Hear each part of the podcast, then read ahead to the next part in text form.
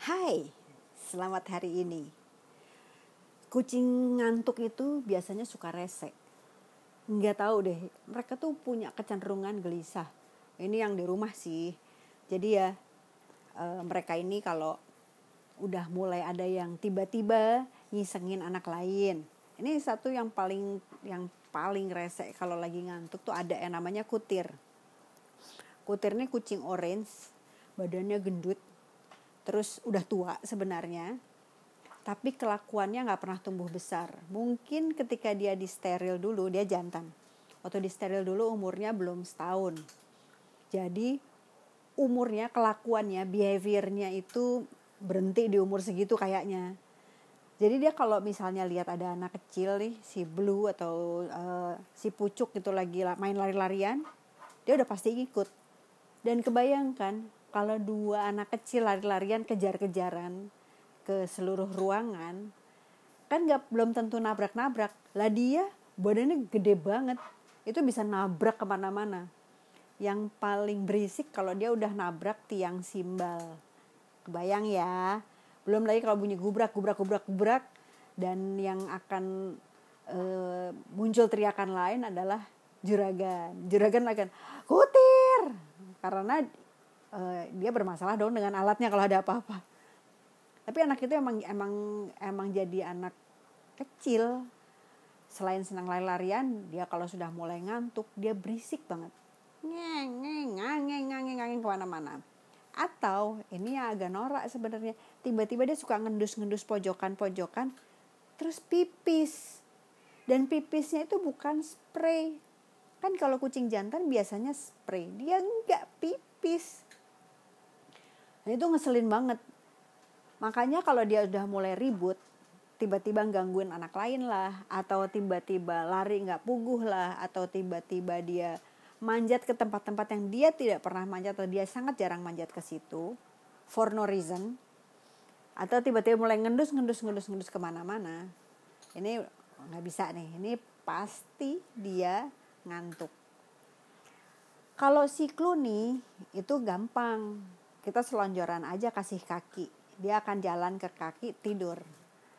Kalau si uh, Chris dia cukup digelarin selimut. Maka dia akan pergi ke selimut itu. Dia rasa juga si Chris ini. Ditaruh dia akan jalan ke selimut itu tidur dia di situ. Tapi tapi si kutir ini dia akan bisa tidur di mendadak di mana aja gitu.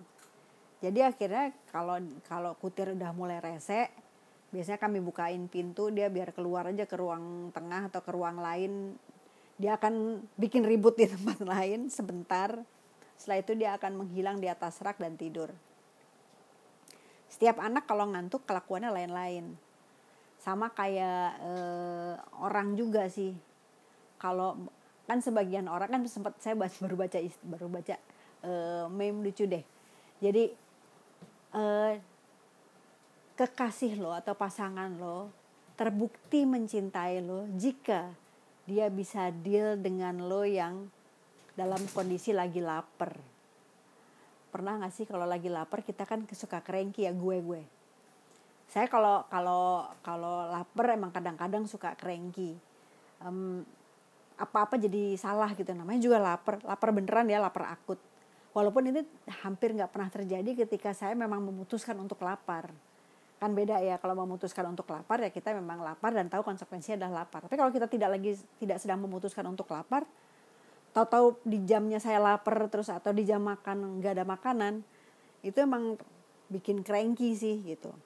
Dan kalau udah cranky itu bisa kena ke mana-mana. Sama kayak si kutir yang kalau udah ngantuk kenanya ke mana-mana.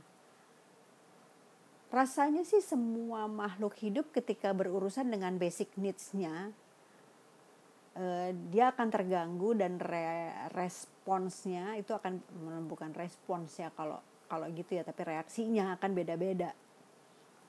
Uh, tergantung tingkat kematangan. Si kutir tingkat kematangannya uh, anak umur sebelum setahun walaupun dia umurnya udah hampir tujuh tahun gitu. Dia akan bereaksi seperti anak umur belum sampai setahun.